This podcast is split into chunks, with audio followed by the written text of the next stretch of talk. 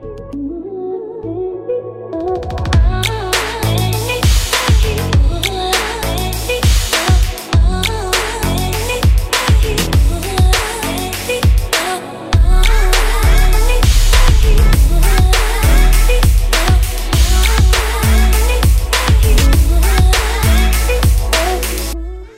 er en ganske så grå lørdagsmorgen i november. Jeg, jeg, har vært på jobb i Kristiansand og har akkurat parkert i et skikkelig koselig område i Arendal. Det er formiddag, grått, og det begynner å bli så kaldt at det er lurt med hansker på hendene. Jeg skal nå hjem til en mann jeg eh, traff og ble litt kjent med i fjor sommer. Jeg kjenner samboeren hans, og hun gjesta faktisk Sykt ærlig med Martine i episode 50. Det var en av de første episodene jeg lagde da korona kom, over Skype. Da snakka vi om hvordan det var å vente på en dom og besøke en man elsker i fengsel. Hvorfor man i alle dager ikke tar tingene sine og stikker. Hvordan man presenterer en tungt kriminell kjæreste for familie og venner. Jeg anbefaler å lytte til den også. Mannen jeg nå skal møte, han heter Audun, og i dag skal vi bli kjent med hans historie. Og jeg skal innrømme at jeg er veldig spent. Og jeg vet jo at Audun har gjort ting vi andre ikke klarer å forestille oss, og som Som jeg syns er vanskelig å Hva skal jeg si? Vanskelig å akseptere vite om. Eller Det har jo åpenbart vært veldig feil. Og jeg vet at han har sett og opplevd ting vi andre kanskje ikke engang forstår at skjer. At han har sittet i fengsel både i Tyskland, Sverige og Norge. Og at vi nå skal være med på innsiden av det kriminelle livet. I fengslene, inn på cellene, og forhåpentligvis inn i hodet til Audun også. Og kanskje hjertet. For jeg lurer jo på om han angrer. Hva han tenker og føler. Og om han står til ansvar for det han har gjort. Og hvordan det livet han har levd, egentlig har vært. Jeg vet i hvert fall at Audun er sykt ærlig, og at han stiller opp i dag i håp om å forebygge. Og jeg tror at det vi nå skal høre, ikke er noe å hige etter. Og nå så skal jeg gå inn og treffe Audun, og du skal få være med. Og dette blir veldig, veldig spennende. Så ja, la oss gå inn og treffe Audun, som i dag skal være sykt ærlig om det livet vi ikke kjenner.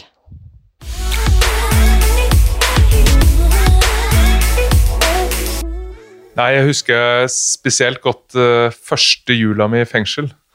Da var jeg helt i begynnelsen av 20-åra.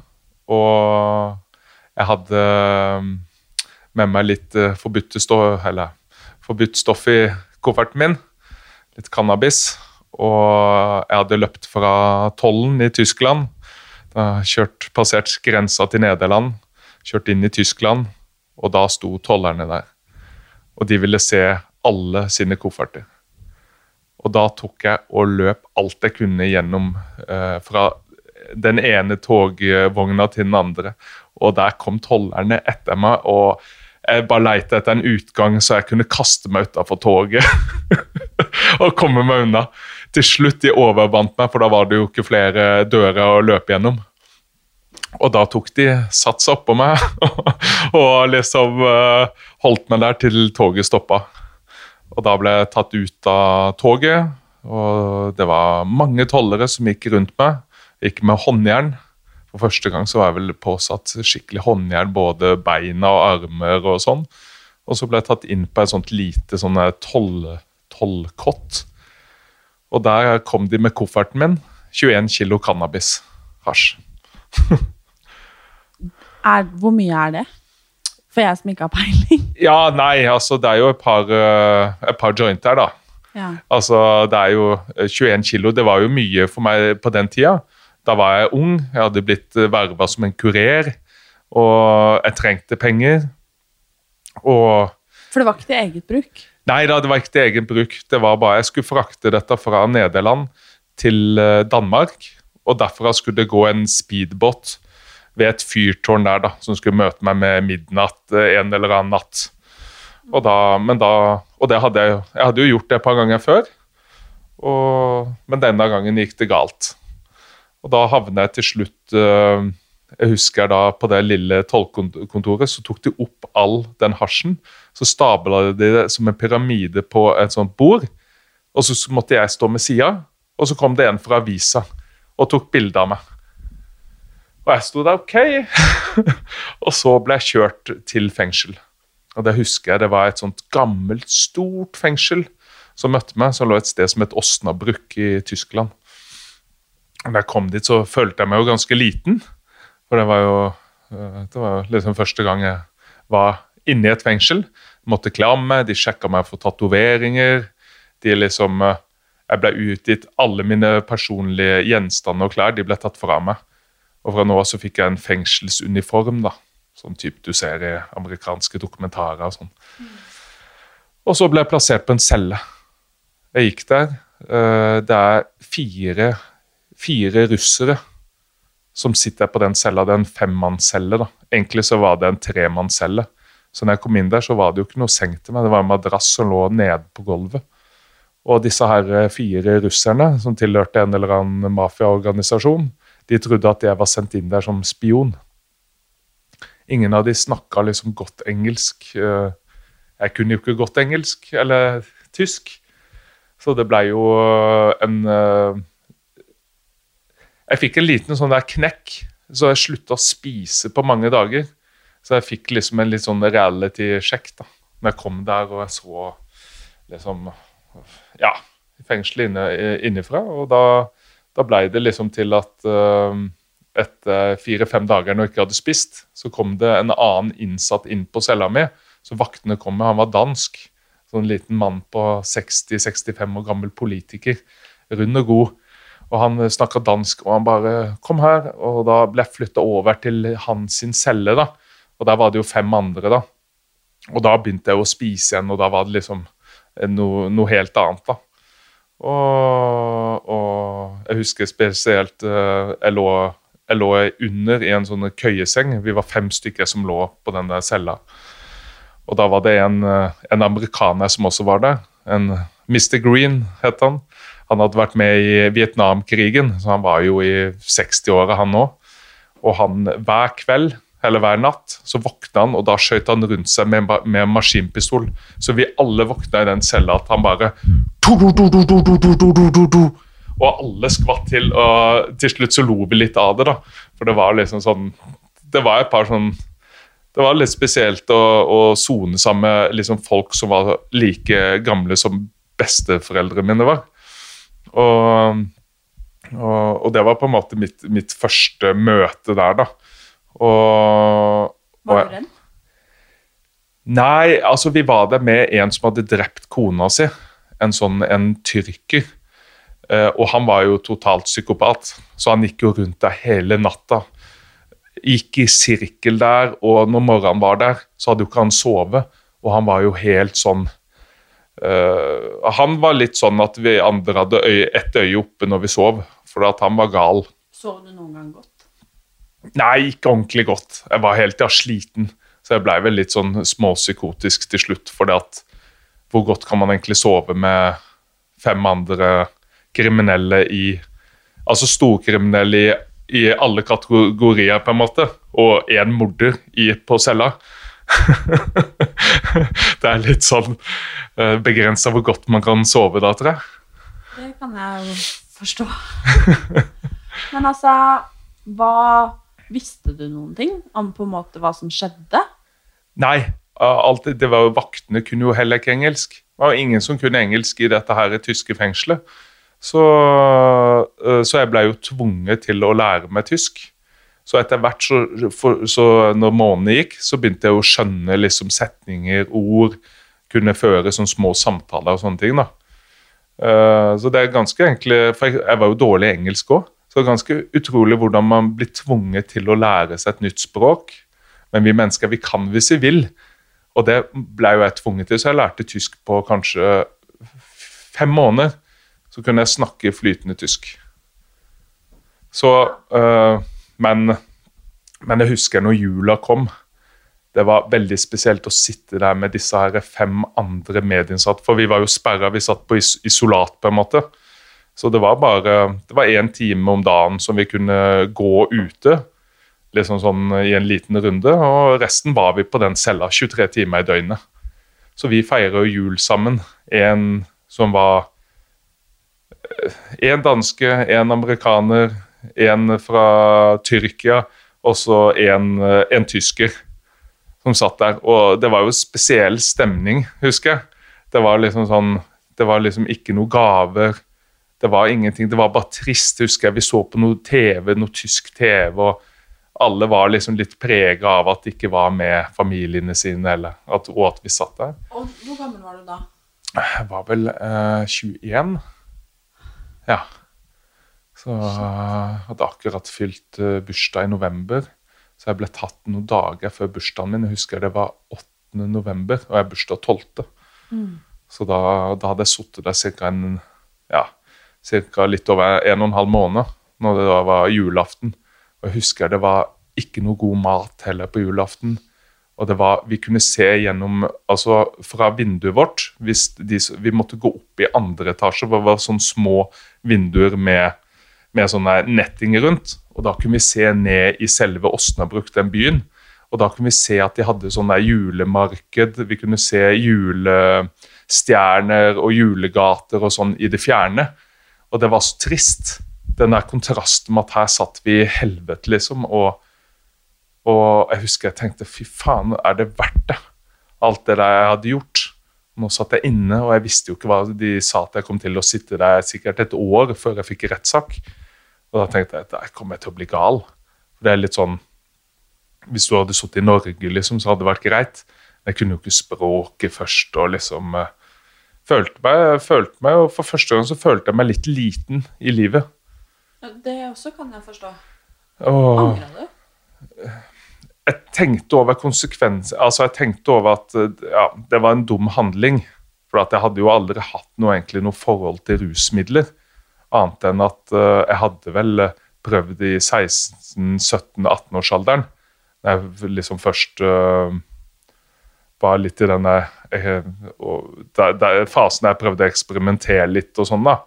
Men det var ikke noe for meg. Og det var liksom Jeg tenkte cannabis så alltid som, på, som, som alkohol. Så jeg så ikke det så, så ille på det, egentlig, liksom. Og, og, så det var vel sånn jeg rettferdiggjorde ting eh, for meg sjøl. Og ja. Ting hadde vel en bakgrunnshistorie som jeg kan komme inn på litt, litt seinere, hvorfor ting skjedde som det skjedde. Eh, så For hvor lenge ble du sittende da? Nei, jeg ble sittende der i Jeg fikk tre år og to måneders fengsel. Til slutt. I Tyskland? I Tyskland. Så har sittet Så eh, de sa først at jeg skulle bli løslatt etter halv tid. Etter et halv, litt over ett og et halvt år. Så jeg, jeg husker den dagen uh, der jeg fikk beskjed Nå hadde flybillettene blitt solgt og alt mulig. Og, og da gikk jeg med alle klærne jeg hadde fått i løpet av den tida, gikk jeg og delte ut til alle de jeg hadde blitt kjent med i fengselet. da. Så når den dagen kom, jeg venta på morgenen at de skulle komme og hente meg, og jeg skulle komme eh, bli flydd til Norge Det var folk som skulle ha velkomstfest for meg i Norge, og sånn, så kom de Nei, det var skjedd noe galt. Jeg måtte bli der tre-fire måneder til. Oi. Og da gikk jeg i de samme klærne. Jeg nekta. Jeg var, da var jeg sinna. Da husker jeg, da var jeg sinna, og alle kom ja, vil du ha tilbake klærne, eh, klærne dine og sånn. Og da sa jeg nei, nei, nei, nei, nei. En gave er en gave for meg. Når jeg har gitt noe, så har jeg gitt noe. Så da, da husker jeg, da var det tungt de månedene der, for jeg hadde jo sett fram til den datoen. Og så var det plutselig noen som hadde forskjøvet den datoen. Og da, da hadde jeg jo sittet der i ett og et halvt år, og jeg hadde jo opplevd ganske mye på godt og vondt. Jeg hadde jo blitt flytta til eh, fire forskjellige fengsler, og jeg hadde jo opplevd Jeg prøvde jo å begynne på skole, men det var ingen utlendinger som hadde lov å gå på skole i Tyskland. Så jeg var veldig mye, satt veldig mye på cella. Uh, og i Tyskland så er cellene noe helt annerledes enn cellene i Norge, f.eks. Uh, I Åsnabruk, de cellene der, eh, de sengene der, de var jo brukt under andre verdenskrig til jødene. som ble kasta i fengsel. Og, så disse var jo 50 år gamle, de sengene. Knirka jo sånn hver gang du snudde deg. Så, så, det var rimelig spesielt. Og jeg husker spesielt eh, en episode som skjedde rett etter jul. Eh, da ble det funnet en bombe som var, eh, var sluppet under andre verdenskrig, på mange tonn. Den var sluppet fra de allierte sant, som bomba Tyskland når det begynte å nærme seg slutten. Og Den ene bomba da hadde tydeligvis ikke eksplodert, så den var udetonert. Og Den hadde de funnet under et veiarbeid ikke langt fra fengselet vårt. Og det som var det spesielle var jo at De farligste fangene i Tyskland de var jo plassert i dette Osnabrück, det, det fengselet der. Og da måtte jo vi bli isolert. Nei, isolert, da måtte vi bli eh, evakuert. Mm. Og da kom det husker jeg det kom et par busser som vi skulle inn i. Alle fikk på seg sånn fotjern, type sånn håndjern for eh, beina og håndjern på hendene. Og så ble vi frakta ut, og så ble vi igjen satt i noe håndjern som satte oss fast inni bussen. Så Hvis du har sett f.eks. den fengselsfilmen Con Air, så er det liksom på samme måte. Vi ble behandla som alle var seriemordere. Det var liksom væpna vakter overalt. Og når vi da kjørte ut, vi skulle til et fengsel eh, et stykke unna, uh, Oldenburg het det. Da ble, når, det, når bussene våre kom, så sto det bil, politibiler med blålys som sperra alle innfartsveier. Uh, uh, så vi var, eneste, vi var de eneste fartøyene på en måte som bevegde oss på de, de travle veiene i Tyskland. Uh, helikoptrene lå rett over, over, de bussene, og det var ganske spesielt. Da skjønte jeg liksom Oi, her sitter jeg sammen med farlige folk. For at den sikkerheten der, den er det drøyeste jeg noen gang har sett. Men følte du deg liksom Du nevnte at du følte deg litt liten, men jeg kan bare tenke sånn Jeg tror jeg hadde følt meg jævlig Ja, men det verste er at jeg syns jo det var litt spennende òg. Samtidig som jeg følte meg liten i den forstand at du kommer inn i, et, i et, en, en, fengselsverden er en helt annen verden. Det er som å gå inn hvis du husker Narnia og klesskapet. Når du går inn i, den, i det skapet, så kommer du ut til en helt annen verden. Og den kan du ikke egentlig forklare hvis ikke du sjøl har vært der, vært der før. Fordi at øh, menneskene er forskjellige. Det er liksom øh, Maten å bli tatt fra friheten, bli tatt fra egentlig alt du, du tar som en selvfølge i det vanlige liv, da. Det, det, det slutter å eksistere i et fengsel. Men man har jo sett disse som du sier, dokumentarene og seriene og veldig amerikanske liksom, Hollywood ja, ja, ja. fengsel, liksom, om disse brutale tingene som skjer og sånn. Ja. Skjedde det? Ja, det, det, skjedde veldig stygge ting der. Jeg husker den første voldshendelsen i fengselet. Da, da vi sluppet ut fra den der isolat... uh, da, og det tok vel en fire måneder, så kom jeg liksom ut der du kan møte andre fanger fra andre avdelinger og sånne ting. Og da var det sånn gitter mellom eh, mellom avdelingene våre, sånn at du kunne se ned Jeg satt f.eks. i avdeling 5, og da kunne jeg se helt ned til avdeling 1. Og da var det sånn type sånn garn, sånn der garn mellom hver avdeling. Og så gikk fangene i hver avdeling nedover. Og da var det den avdelinga som var neden, eh, nedenfor meg. Der satt en uh, afrikaner, og så klippa han neglene sine på en sånn matralle. Og da kom det to russiske. Du så de hadde tatoveringer overalt og arr. Og jeg kunne se alt fra der jeg sto, som var kanskje ti meter unna da, nedenfor.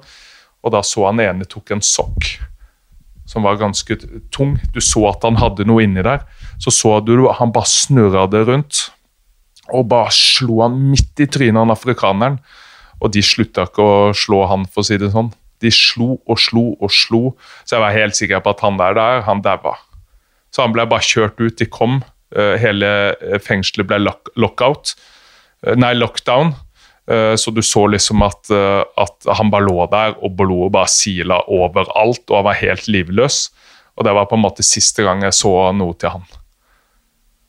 Så, og disse russerne også ble helt borte, så jeg aner ikke hva som skjedde, om han daua faktisk, eller, eller hva det nå var. Men var du redd for at sånne ting skulle skje med deg? Jeg tok hele tida, hele tida liksom forhåndsreglene mine. da, At ting kunne skjedd. Så inn i et fengsel så dreier alt seg om allianser. Det er nesten som å se Paradise Hotel. Alt, alt dreier seg om å finne eller Farmen da, å finne allianser de du liksom kan bygge opp et trygt nettverk med. at Hvis noen kødder med deg eller liksom prøver å få deg ut, så har du backup med andre. ikke sant? Og Sånn dreier seg veldig mye i fengselet. da. Og Det gjør at du må for ha kontakt med typ sånn der, eh, skikkelig psykopatiske folk som egentlig du aldri ville hatt noe med å gjøre i livet ditt, men som du kan knytte deg litt til. For disse er sterke personligheter som kan på, på en måte være, litt, være, med å ha et skjold rundt deg. da. Så det var litt sånn, jeg, jo, jeg, ble jo veldig tatt inn i varme med noen som faktisk tilhørte den russiske mafiaen, som opererte. De, de lagde business av å ha av å være i fengsel. Så det var de som sto for alt inni, inni det som skjedde i fengselet. Torpedovirksomhet, eh, narkotikasalg, pornosalg, telefonsalg. Alt mulig som skjedde inne i fengselet. Og de hadde koordinert dette med de andre fengslene i Tyskland. Så ingen kunne kødde med disse Og sånn. da. Og hvis noen kødda, så ble det liksom skikkelig fengselsopprør og sånne ting. Og det skjedde jo et par ganger. Der det var masse slagsmål og liksom uh, Tror du at du hadde en fordel, eller har hatt en fordel på en måte med all den tiden du har altså, sittet i fengsel, med at du på en måte ser stor og tøff ut? Ja, ja, absolutt, og det brukte jeg til min fordel. Mm. For det, det var jo bevisste handlinger. For eksempel, vi hadde jo Ute i luftegården så hadde vi jo sånn typ sånn du ser i amerikanske filmer, at du ligger der og pumper vekter og løfter og sånn. Mm. Og da hadde jeg liksom Jeg var, jeg var, jo, jeg var jo ganske sterk på den tida. Eh, så da, så da var det det å på en måte puffe seg, piffe seg litt ekstra opp der. Gjøre ting liksom eh, Jeg husker når jeg tok armhevninger, så hadde jeg noen som lå bak på ryggen min, ikke sånn som vekt. Og liksom, Så folk var liksom bevisste med å ikke kødde for mye med meg og de jeg gikk sammen med også. da. Så du gjorde sånne tiltak som folk skulle liksom legge merke til det. da. Og vi drev med litt kampsport ute i luftegården, selv om vaktene alltid stansa oss. da, og litt sånn forskjellig. Så det var litt for å markere seg og sånne ting. da. Ikke sånn for å dominere noe, men for å liksom markere at ingen skulle angripe oss. For da visste de hva, hva de på en måte gikk til. At de fikk motstand. Men jeg vet ikke om du på en måte kan svare på det heller, men om du kan, da. Hva ja. måtte du noen gang gjøre noe som på en måte ikke var greit? inne i fengselet da? Du mener skittent arbeid? Ja. Ja det er det dere kaller det? ja, ja de, de, de, krevde jo sitt, disse her eh, russiske mafiaene som jeg forvildra meg inn i. da. De, for lojaliteten så måtte du gjøre enk, enkelte ting. Du måtte f.eks. på vei til jobb. Av og til da, Det var jo høye murer kanskje på 8-10 meter, men av og til så kom det en pakke over den muren som du da måtte ta med deg. Eller du måtte gi beskjed mobiltelefonene som ble kasta eller smugla inn i fengselet, som du måtte teipe på ryggen. Så du måtte gjøre en del sånn småting. Mm. Uh, jeg gjorde aldri noe vold mot noen, for jeg har alltid hatt respekt for det, selv om jeg kan, selv om jeg kan på en måte har uh, gjort uh, er god i kampsport. Så har jeg alltid hatt respekt på den å ikke gjøre uskyldige mennesker noe. Det har alltid vært veldig bevisst på. Så, men jeg gjorde en del andre ting. Smugla smugla mobiltelefoner. Eh, jeg husker den ene gangen så fikk meg og en annen oppdrag i at eh, det, det var noe, en hasjpakke som skulle bli, som bli kasta over muren. Og da plutselig eh, gikk vi og snakka, og da fikk jo han han gikk sammen med, en som het Dennis, han fikk jo en sånn en halvkilospakke en halvkilo rett i hodet. Så han gikk jo rett i bakken og besvimte liksom i, i sikkert ti sekunder. Og det var sånn der, Å, faen, er han død, eller? så det var liksom sånn Jeg husker den episoden der. Så, så det, det, det, var jo hendelser som skjedde. Uh, men uh, på en måte med at de der russiske mafiaen holdt så kontroll der, så var det egentlig ganske rolig. For at hadde ikke de vært der, så hadde det jo vært anarki. Det hadde vært kaos. Men de holdt på en måte en del av kontrollen. da.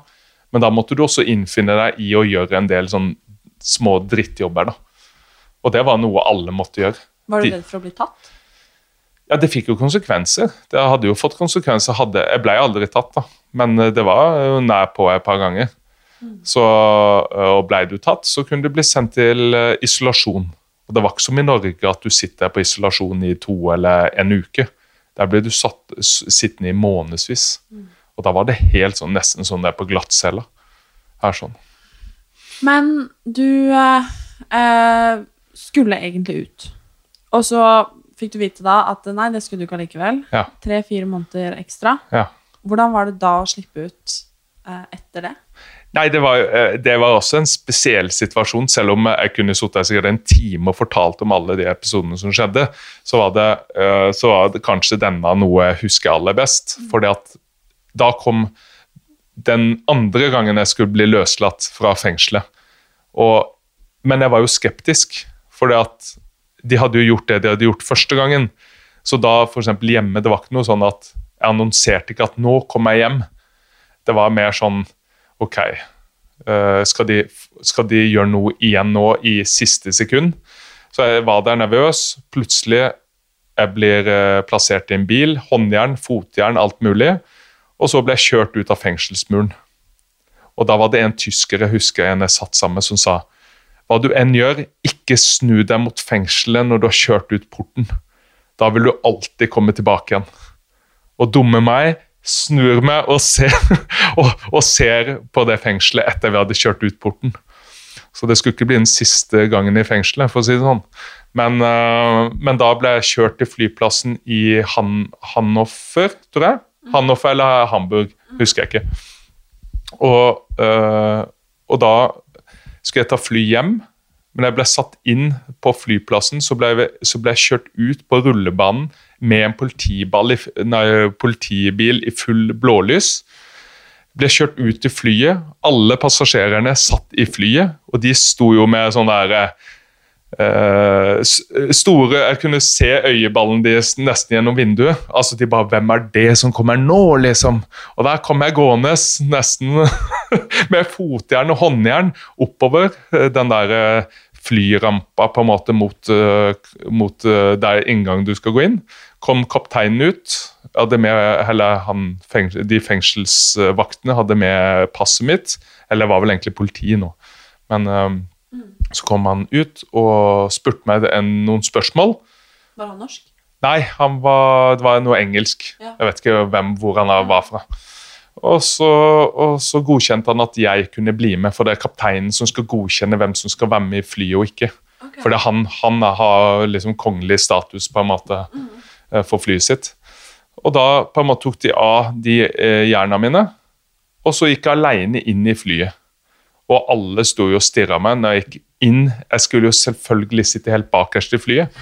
Og bakerst i flyet satt en jente på kanskje sånn, jeg tipper hun var rundt ni år. Ni-ti år, eller noe sånt. Og da skulle jeg sitte ved sida av henne. Så da gikk jeg fra å være en livsfarlig fange til å liksom bli plassert på uts ved sida av en liten jente på flyet hjem. Ja, ja, det er litt spesielt, for da ser du hvordan liksom, de to verdenene liksom eh, eh, Hvor kort avstand det er egentlig mellom å være livs...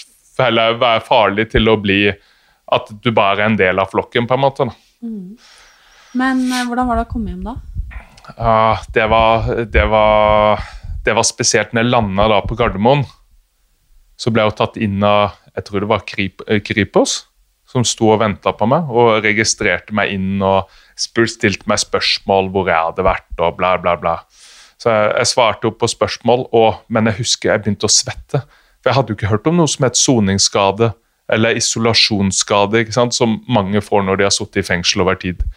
Så jeg, jeg fikk fullstendig noiaen da jeg kom på flyplassen på Gardermoen og så mye mennesker rundt meg. Politiet hadde da sluppet meg. Og jeg bare Jeg kan ikke sitte på noe, noe buss hjem nå, for da skulle jeg til Arendal. ikke sant? Fra Oslo til Arendal. Og så jeg bare eh, For jeg begynte å kaldsvette. Jeg skjønte ikke hva som skjedde med meg. Jeg fikk sånne, rare, sånne reaksjoner jeg hadde aldri hatt før i hele mitt liv.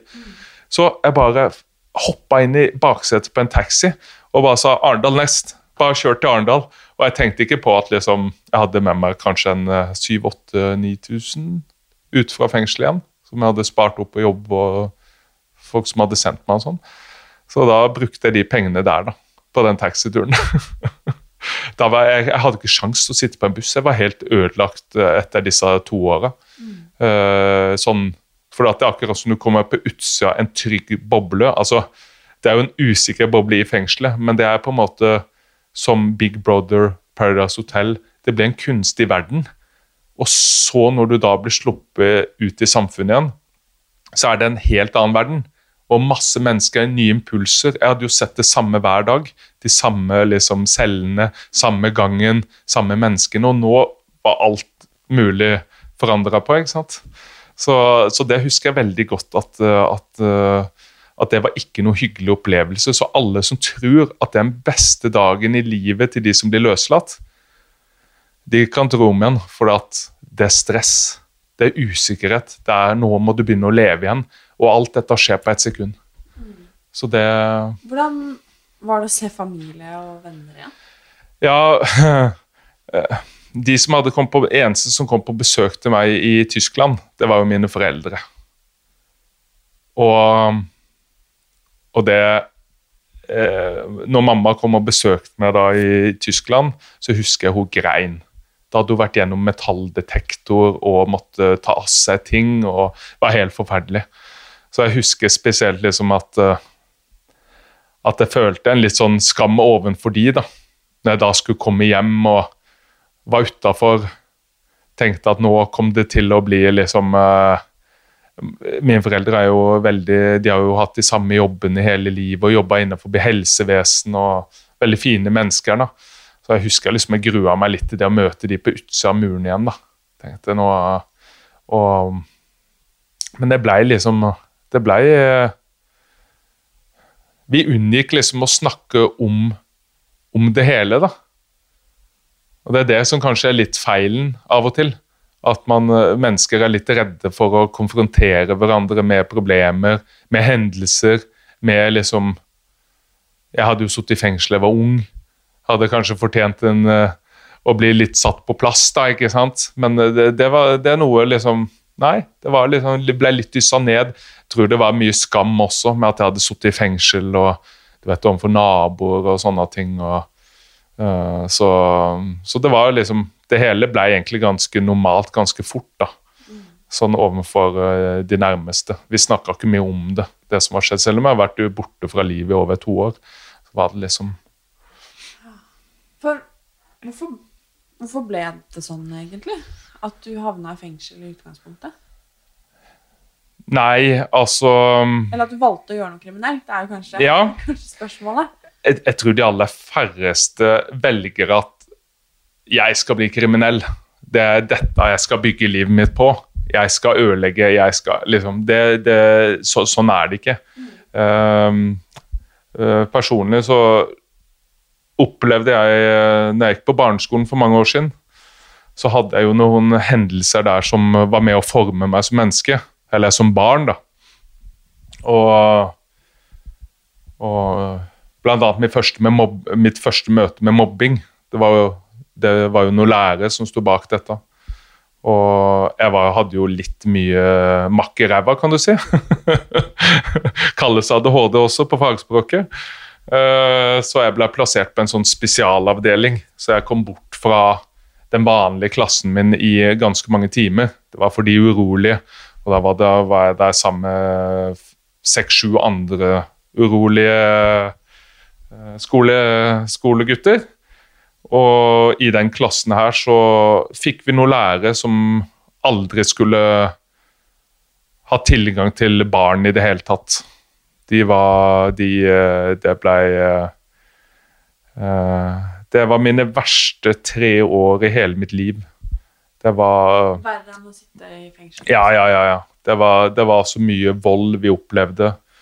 Noen av de på den gruppa opplevde også verre ting. Jeg husker den ene ble jo voldtatt. Jeg ble forsøkt uh, Ja, man kan jo selv kalle det voldtekt når, uh, når læreren prøver å forgripe seg på det. Så jeg havna i slåsskamper flere ganger med han ene læreren. Uh, og jeg vet uh, han ene i den gruppa han har til dags dato ikke, uh, ikke greid å, å, bli normal igjen etter det som skjedde på den tida. Så han er under psykiatrien i dag og forsøkte å ta selvmord et ukjent antall ganger. og sånn, og Det er jo jævlig trist. Så, og vi opplevde Det var massiv vold mot vi som satt på den gruppa der. Det var eh, altså kritt som ble kasta i trynet vårt i stor uh, hastighet. Det var pult å få den liksom dratt ut og bare rett inn i mellomgulvet, så du lå der og mista pusten. Det var ørefiker, det var riving i håret. Det var alle utspekulerte metoder, egentlig. Uh, det var mobbing. Det var å få deg til å lese høyt, sånn at du til slutt begynte å grine fordi at uh, det var så vanskelig at du ikke greide det. Så det var en, en omvendt, en, en, slags hersketeknikk for mobbing. Det var liksom uh, Til slutt så gjorde jeg meg sjøl syk. Uh, mine foreldre tok meg hele tida bort til sjukehuset i Arendal. Og det var, det var, på en måte De skjønte ikke hva som var galt med meg, for det var, var det noe som var galt med øre, nese, hals, eller var det liksom så Jeg hadde utallige operasjoner sånn uten at jeg egentlig fant ut av hva som var galt med meg, men det som var, er at jeg, kroppen min gjorde meg innbilsk syk. Jeg gjorde meg sjøl syk for å slippe å gå på skolen. Uh, og Ja, ja. Og, og, jeg var jo ikke sladret. Jeg fortalte jo ikke dette til mine foreldre heller. Men det er jo, det er jo rapporter på det i ettertid nå. Og det er jo folk som har gått til søksmål mot denne skolen, barneskolen av de som gikk på den gruppa med og sånn. da. Så heldigvis er det jo noen som har tatt det videre og, og sagt ifra om at det var uriktige ting som skjedde på den tida.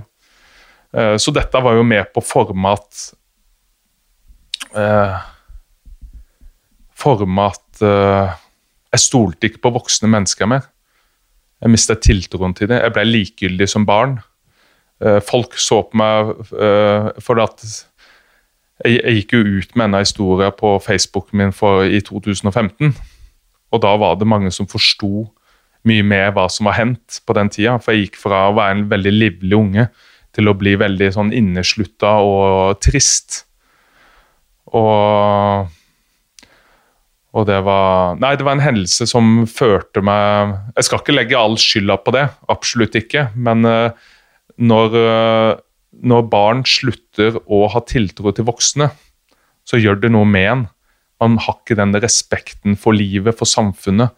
Eh, man, eh, man søker seg til en parallell verden som på en måte er Der det ikke er vondt, sånn som mange kanskje barn gjør i dag.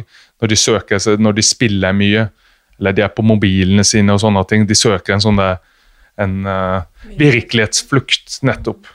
Og det var det jeg mangla, for vi hadde jo ikke det på den tida. Eh, på den måten vi har i dag. ikke sant? Og, så jeg begynte når jeg ble litt eldre, sånn i ja, 14-årsalderen, så begynte jeg å søke meg innover til Oslo. ikke sant? Jeg kommer fra en liten småby som heter Risø. Så da, da søkte jeg meg liksom eh, Haika inn til Oslo og liksom uh, hadde med hadde med jaug til mine foreldre hvor jeg egentlig befant meg, at jeg var på overnattingsbesøk hos noen andre. og sånne ting. Så jeg tok med, eh, med sovepose og lå ute i Oslo da. Og, og liksom eh, Da jeg var rundt 16 år, så så, så ble disse reisene mye mer Altså lengre, da. Da var det liksom sånn at da kom jeg i kontakt med kriminelle folk som jeg møtte. For det var ofte jeg bare gikk rundt i Oslo. Jeg kjente ikke noen sånne spesielle folk der. Jeg bare gikk rundt. Jeg ville bare vekk fra byen min. Det var ingen som skjønte litt hvorfor jeg ville vekk kun de som liksom hadde vært på den gruppa, visste hva som på en måte hadde skjedd. da. Så det var en ganske sår hemmelighet. Det var veldig skam da, som var knytta til alt. Så det var sikkert rundt den skammen som førte meg liksom bort, og, og at tilfeldigheter gjorde at jeg ble kjent med kriminelle personer. Og da kjente jeg suget da Husker jeg at um, første gang uh, når jeg flytta inn til Oslo, da var jeg vel uh, da var jeg vel eh, mellom 16 og 17 år. Og Da flytta jeg inn til noe som heter Anker studentboliger. Og der, Det er jo kjent for å være ganske rabiat der.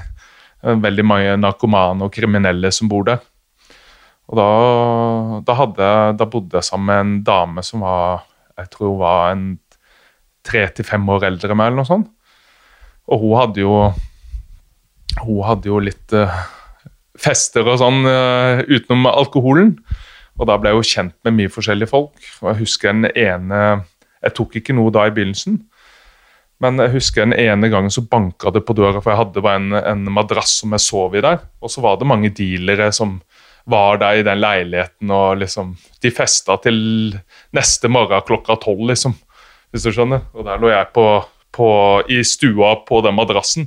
Så jeg våkna, og disse her løp jo over meg. Dreiv og liksom dansa på oppå, oppå dyna mi, hvis du skjønner.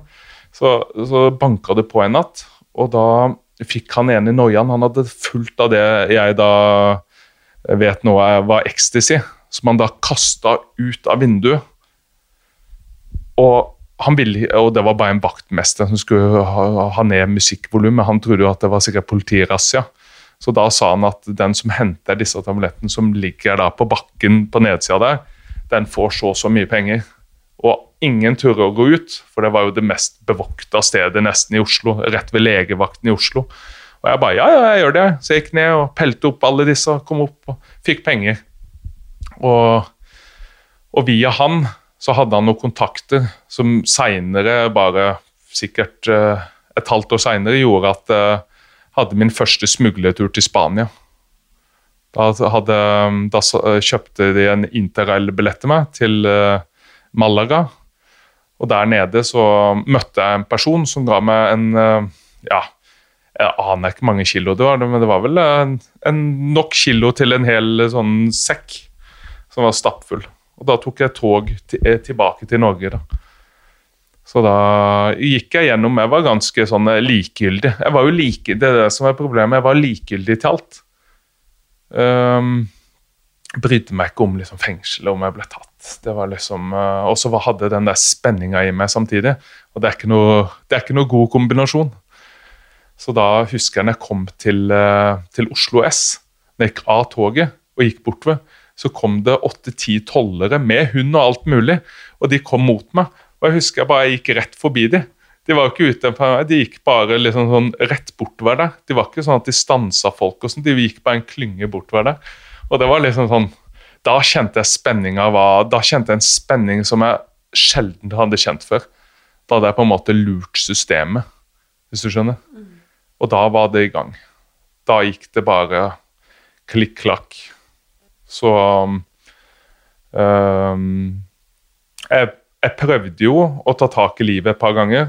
Mine foreldre prøvde å hjelpe meg og sånn. Og jeg hadde jo et forhold gjennom flere år som egentlig det hun ikke visste, var at jeg holdt på med ganske mye på sida. Det var jo mitt første ordentlige forhold. Jeg var jo da en av lederne i kriminalomsorgen, ironisk nok. Så jeg holdt jo på med så mye kriminalitet bak ryggen hos. Hver helg når jeg var borte, så var jeg inne i Oslo og gjorde kriminalitet. Dro den med meg ned til Sørlandet. Ikke sant? Så, og da skjulte jeg Da levde jeg på en måte et dobbeltliv. Jeg gikk på skole en periode bort borte i Arendal. og så, um, så, sånn egentlig begynte min uh, kriminalitet, kan du si. Når ble du liksom ordentlig tatt? Når jeg ble ordentlig tatt, det var Det var Jeg husker jeg var 18 år. Og så hadde vi fått Jeg hadde blitt kjent med noen jugoslavere Uh, som holdt på ganske stort med, med innførsel av uh, cannabis. Uh, og da hadde jeg gjort litt oppdrag for det og sånne ting. og så skulle det komme en semitrailer fra Bosnia. Bosnia eller Serbia. Den skulle komme opp. Og vi satt liksom da og han, Jeg husker han sjåføren han ringte oss gjennom hver grense at nå er, det, nå er det greit, nå er det greit. Og så begynte han å nærme seg da grensa med Sverige, og da skulle vi kjøre fram en sånn der malebil. Eh, typ sånn, sånn, der du kaster søppel inn, eh, ned i og sånn litt sånn der større bil. Og da skulle vi ta, eh, hente opp fem trailerdekk som var fulle av cannabis inni. Og da ble du 18. Da var jeg 18, ja. Så da kjørte vi til grensa. Litt, eller litt før grensa, fem mil innafor grensa, sto vi der med en sånn der, typ sånn liten holdeplass for trailere. Og da kom den. Vi hadde på sånn utstyr, sånn type malingsuniformer og sånne ting. Og da tok vi og henta opp de hjula som lå under den traileren, og kasta den inn blant masse søppel som vi hadde samla opp, og så kjørte vi.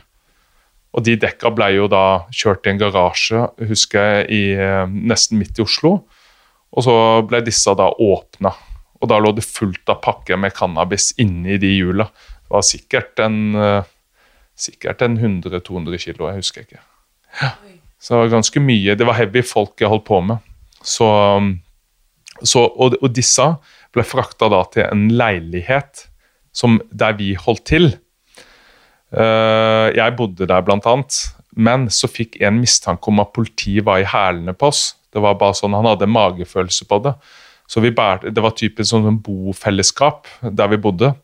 Så det var en som hadde kjørt en, bil, en varebil bak selve det, denne her leilighetskomplekset. Så vi bærte alle disse her kiloene eh, gjennom trappene og ned på baksida og frakta det til et annet sted. Så hvis noen fulgte med oss på forsida, så så det ut som vi bærte alt inn i leiligheten. Hvis du skjønner? Ja. Men vi bærte det ut kjelleren og ned på sida og kjørte det til et annet sånn, eh, et, et sikkert sted. Og da var, det, da var vi ute og feira på kvelden. Og så, på morgenen, så våkna jeg sånn i fem-halv seks-tida. Merka liksom at strømmen var gått i huset. Så jeg drev liksom og tente et par lys på toalettet og sånne ting. Og så gikk, liksom, la jeg meg på sofaen, da. Og så bare hørte jeg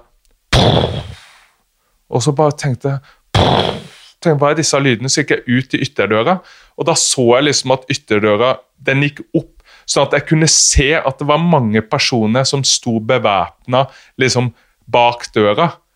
Den var ikke helt gått opp, så jeg tok den dør, den, Vi hadde en dør til, en sånn tredør, så jeg gikk og kasta meg bak den og holdt den med beinet og ropte til han jeg bodde sammen han jugoslaveren, at uh, det var andre kjeltringer som prøvde å komme seg til oss da, og rane oss. Og da plutselig fikk jeg eh, gjennom den døra der, så kom det en øks. Da var det en av de politimennene som, som, eh, som hadde brukt øks. Og da var, var, det liksom sånn Wow! Så kasta jeg meg ned til, uh, til uh, sofaen. Og da kom det fullt av sånn der infrarød lys på meg. Da var det 'væpna politi', 'væpna politi'. Kom det inn hele kåken. Og da sto de liksom og sikta på meg der jeg lå i sofaen. da. Og han andre han hadde kasta seg ut av vinduet. Så der lå han jo hadde, altså Det var glass overalt. Han kom inn, De hadde vært ute og henta han. Og han kom inn blodig og i boksershortsen og sånne ting. For han trodde det var andre kriminelle som skulle rane oss. ikke sant? Så han hadde prøvd å flykte med å kaste seg ut vinduet der på soverommet. Så, så det var gangen det var første gang jeg nesten ble skikkelig tatt. Så før før du på en måte ble satt i fengsel i Tyskland, ja. så hadde du jo altså blitt tatt, liksom? Eller blitt nesten tatt? Ja da, nå fant de jo så å si ingenting. Jeg tok på meg 50 gram eh, hasj som ikke tilhørte meg, som var i leiligheten. Eh, og så fant de 200 000 kroner. Og de pengene tok han på seg, han jugoslaveren. Så da var det Orkrim, eller det gamle Catch-gruppa som de kalte det, på organisert kriminalitet. Da var de etter meg, og fra den dagen så har de alltid vært etter meg. og, og det, det, husker jeg. Vi ble spana i ukevis av masse politi etter den hendelsen. Men de fant aldri det vi hadde gjemt bort, da, de 100-200 kiloene. Så det, det, tok de aldri. Men det, fra den dagen så tror jeg jeg var skikkelig under oppsikt og blei på en måte et navn i politiets bøker. Mm. Men hvor mange år totalt har du sittet i fengsel? Så mange fingre har jeg faktisk ikke på, hendene. Nei da, det er dessverre blitt, så har blitt 13 år nå. 13 år. Jeg har sittet i fengsel, så jeg har vel sona snart en 21, reell 21-årsdom. Det er ganske, ganske heftig. Ja, det er jo altfor lenge. Mm. det er jo folk som Det er Ja. jo nesten hele livet. Nei, halve livet. Ja, ja, du kan kalle det halve livet har gått. Eh, til eh, fengsel, vente på rettssaker, aldri egentlig få begynt et normalt liv. da. For at det var jo aldri sånn i første, Jeg kan jo fortelle første gang jeg kom i fengsel i Norge. da, Det var i i 2005. Da var jeg rundt 24 år. Da var det en politijakt i Stockholm. Da hadde jeg vært oppe i en leilighet der og, og ja, mye rart som skjedde der. Så da ble etter en biljakt, som- biljakt som gikk vel opp i 250 km i timen rundt der, så ble, vi, ble jeg arrestert av væpna politi. Da kjørte de etter meg taxier. Politiet har undercover-biler i Stockholm. Der bruker de taxier. Og så Det var helt sykt å se når de kasta seg ut av taxiene liksom, etter jeg måtte stoppe. For da var jeg tom for drivstoff. Um, og da ble jeg stansa. Da hadde jeg en pistol i bilen og ja, skuddsikker vest og litt sånn forskjellig. Så da ble jeg frakta til, eh, til eh, bl.a. Kumla og Hall, i de største fengslene i Sverige. Og jeg var der i ett år, før jeg ble da transportert til Skien fengsel i Norge. Og ja, det var jo litt spesielt de svenske fengslene òg. Det var jo noe helt annet enn enn uh, norske fengsler. For det at uh, sånn som, uh, sånn som på Kumla, da, så ble jeg kjent med en danske og en svenske. Vi gikk sammen der hele tida. Du finner alltid en klikk i fengselet med folk du går sammen med. Det er kanskje ikke bestevennene dine, men innenfor fengselet så er det en betryggelse å ha noen rundt der. da. Og det ikke visste med han ene svensken, det var det at han var politimann. Han var politimann, og det, det fikk jeg ikke vite før vi skulle bytte fengsel, før jeg ble plassert i Stockholm, altså fengselet Hall, uh, ca. seks måneder seinere. Da var det bare meg og han der svensken som eh, ble eh, transportert til, bort til Hall. Og Det er jo det hardeste fengselet i Sverige, desidert. Det er der alle gjengene sitter og alt mulig sånn. Så da jeg kom bort dit, på veien dit, så sa han Audun, jeg må fortelle deg noe. Jeg er politimann. Og jeg bare OK. Ja, jeg soner 14 års eh, dom for narkotikasmugling. Han hadde smugla store mengder med amfetamin som politimann. Eh, så sa jeg OK, og alle gjengene leiter etter meg i fengslene. For jeg hadde jo hørt om han politimannen, at det skulle være en politimann som sona i noe, et av fengslene. Det gikk rykter om det blant de der gjengene, og sånn, at de skulle ta han og sånn. Så da, og vi hadde jo blitt gode venner gjennom det, det, disse- fem-seks månedene. Og da, da sa jeg, vet du hva, nå har du blitt en venn, det er greit. Eh, jeg skal prøve å, liksom beskytte Jeg skal ikke si noe om din hemmelighet. Så jeg skal prøve å sende, sette ut masse desinformasjon og sånn. For der jeg havna på Hall, der hadde han blitt drept. Altså, det var så farlige kriminelle der at uh, det var Altså, det var seriemordere der, det var gjenger, det var hen, folk som hadde henretta folk. Det var folk som sto bak bomber der over 200 mennesker hadde blitt drept nede i Irak, som satt fengsla der. Uh, Det var veldig radikale folk. Um, det var rett og slett eh, Og mange livs, som satt der på livsvarig fengsel. Som ikke hadde noe å tape, på en måte. Det var fengsel i, Sverige eh, før, altså livsvare, det var livsvare. Ja, som i statene, det, altså. Så det er ikke noe sånn med Norge, har du 21 års fengsel, sitter du 13 år. Der satt du liksom, Jeg satt med en mann, han har sittet der i over 30 år.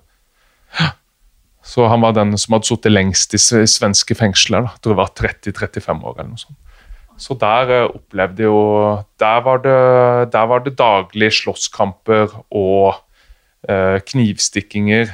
Eh, ett et og et halvt år før jeg kom dit, så hadde noen fått smugla inn, inn våpen som de hadde brukt og skutt mot vaktene. Så hadde de, de tatt gisler i de vaktene. Og det var en jævlig stor sak der. For hvordan hadde de våpna, skarpladde våpna, pistoler kommet inn i fengselet? Det er jo via korrupte fengselsbetjente. ikke sant? Så, så, så jeg opplevde En som fikk skåret av øret sitt der, og liksom Ja. Man opplevde Det var, det var litt av hvert. Så når jeg ble overført da til Skien fengsel etter et år da i svenske fengsler, så var det jo som å komme til barnehagen. Selv om det var store kriminelle i Norge òg. Jeg satt jo med en som hadde fått 30 års fengsel eh, i Skien. Som hadde fått 30 års fengsel for krigsforbrytelse. Han hadde jo drept 2000, sto bak drap på 2000 eh, drap og voldtekter i Sebritsjna eller noe sånt i Serbia under krigen. Og han var jo en ekkel, ekkel, ekkel fyr. Som hele tida prøvde å komme innpå meg i fengsel og sånne ting, men som jeg avviste og kom litt i klammeri med. da. Han var jo en elitesoldat som var helt, helt der oppe. da. Så, men det var mye øh, men, men, det var mye mildere i de norske fengslene enn i f.eks. Sverige og Tyskland. Cellene var fine du kom i kummerlige uh, forhold uh, med, med, tanke på mat og sånne ting, og næring og treningmuligheter og sånne ting. da. Så det var, Og jeg fikk begynne på skole, ikke minst. Og da, da, bestemte jeg meg for Dette var i 2007. Da bestemte jeg meg for at jeg skulle slutte med alt kriminalitet. For det hadde jeg hatt et ønske om i mange år, egentlig. Uh, og da forsøkte jeg, men la oss si fortiden innhenta meg.